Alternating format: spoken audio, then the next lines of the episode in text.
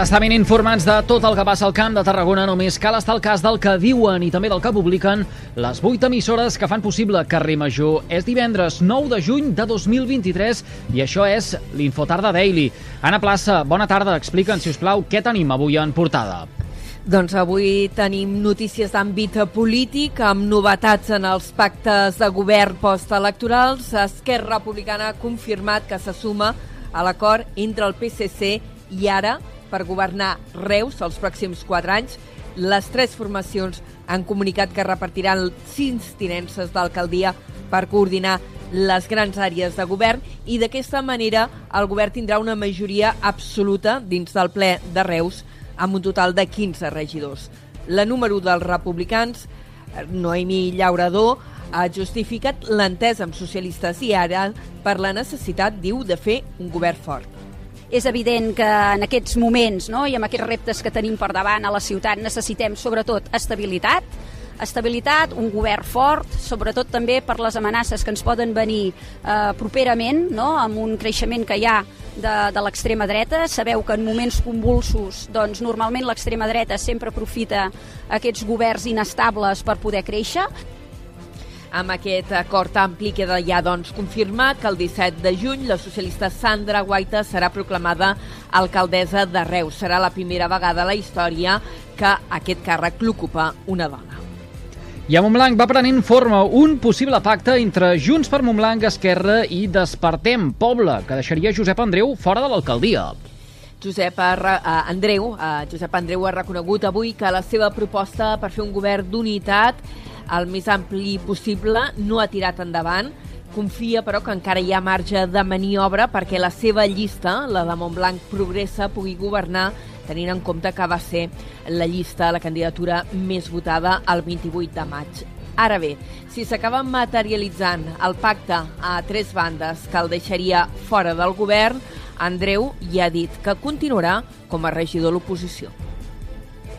Més coses. Protecció Civil repetirà la prova del sistema d'alertes a mòbils a Tarragona, l'Ebre i el Penedès dimarts vinent. Això vol dir que la ciutadania rebrà un missatge entre les 11 del matí i la 1 del migdia amb un text que indicarà que es tracta d'una prova. Aquest sistema d'alertes, fent memòria, ja es va aprovar a mitjans d'abril, però un error va fer que els missatges no arribessin a la majoria de telèfons. Resolta la incidència, es repetirà l'exercici. La directora general de Protecció Civil, Marta Casany, ha recordat que és important llegir el missatge abans de desactivar-lo perquè el que és més important d'aquesta és que les persones sàpiguen que han de llegir allò que diu el missatge, allò que els hi volem donar, que el dia 12 posarà això és una prova, però el dia que efectivament s'hagi d'enviar aquest missatge sí que contindrà una instrucció concreta d'allò que han de fer. El missatge s'enviarà en català, castellà i anglès i anirà acompanyat d'un soroll estrident diferent de la resta de sons que emet el telèfon en rebre una trucada o un missatge qualsevol. Canviem de qüestió. Els Mossos d'Esquadra han desplegat aquesta matinada un operatiu a l'AP7 a l'Hospitalet de l'Infant que ha acabat amb 31 denúncies i 37 identificats. La policia ha fet controls d'alcoholèmia, drogues i de velocitat i han participat 32 agents del cos que han fet 106 controls de velocitat, alcoholèmia i de transports de mercaderies a vehicles que circulaven per aquesta via.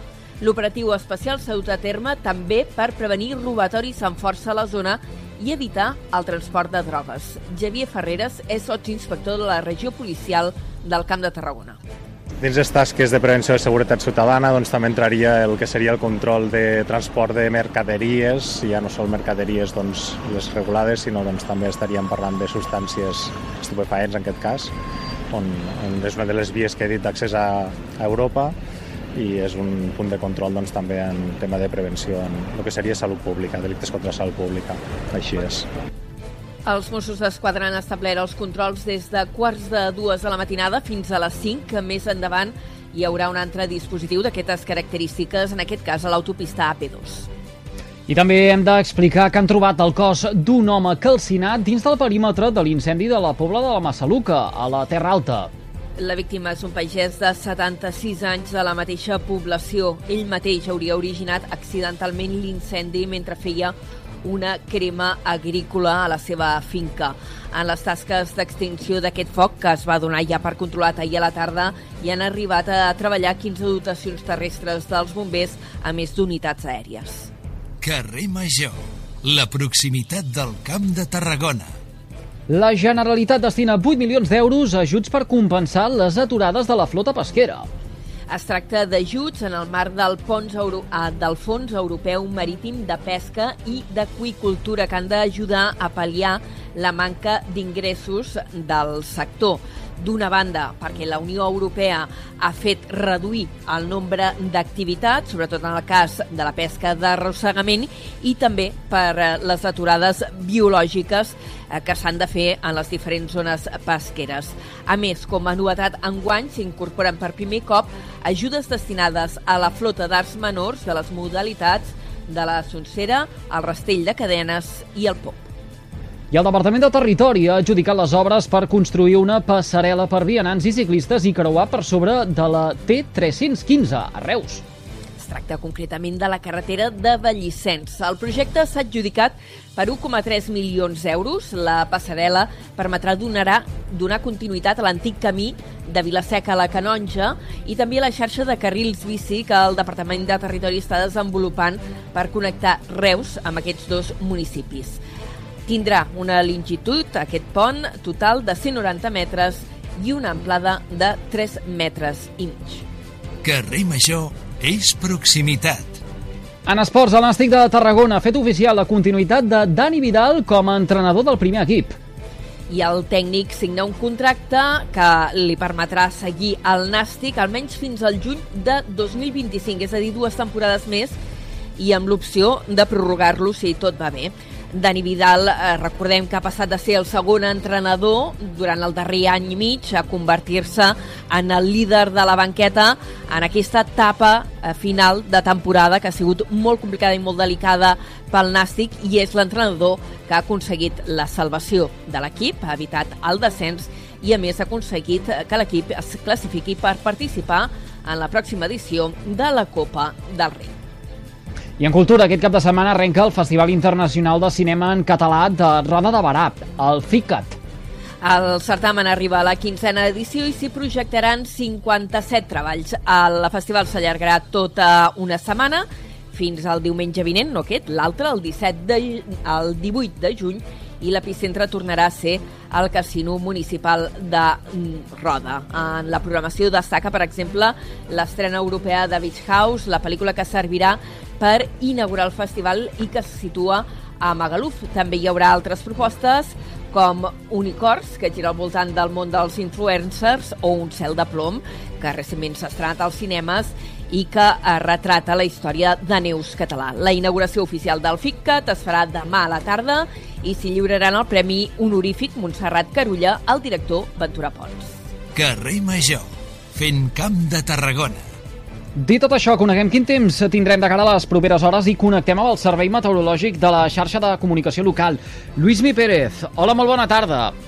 Estem tenint un divendres molt variable. Ha començat la jornada amb força núvols, la pluja més abundant al Pirineu Lleidatà i en aquests moments, a l'hora que s'obren moltes clarianes, també creixen alguns núvols que estan deixant alguns ruixats. Bàsicament, estan caient cap a la Nolla, també al Bages, a les muntanyes de Tarragona, però de moment són ruixats locals. De fet, al llarg d'aquesta tarda, en aquestes muntanyes entre el prelitoral i la Catalunya central, encara tindrem algun xàfec. Avançada la tarda, aquestes tempestes es faran més abundants al nord del Ripollès, l'Alta Garrotxa i l'Alt Empordà, i per altra banda, a l'interior de les Terres de l'Ebre. Tot plegat amb una tarda que es presenta xafogosa, temperatura que afluixa poc respecte a ahir. A més a més, el cap de setmana encara farà més calor, sobretot el diumenge. I amb tempestes de tarda, demà més concentrades a les muntanyes del prelitoral i sobretot a l'interior de Girona, i diumenge a la tarda una mica més escampades, però sempre enganxades a les serralades. A prop del mar, més sol. Ho seguirem a la xarxa. Ara sí, doncs ho deixarem aquí a la plaça. Gràcies per aquesta pinzellada informativa amb el més destacat de la jornada. Pel Camp de Tarragona, que vagi bé. Fins després, adéu. I tots vostès poden recuperar l'Infotarda Daily d'aquest divendres 9 de juny mitjançant les xarxes socials i també els respectius serveis de ràdio a la carta a les 8 emissores que cada tarda passegen plegades pel carrer Major. Gràcies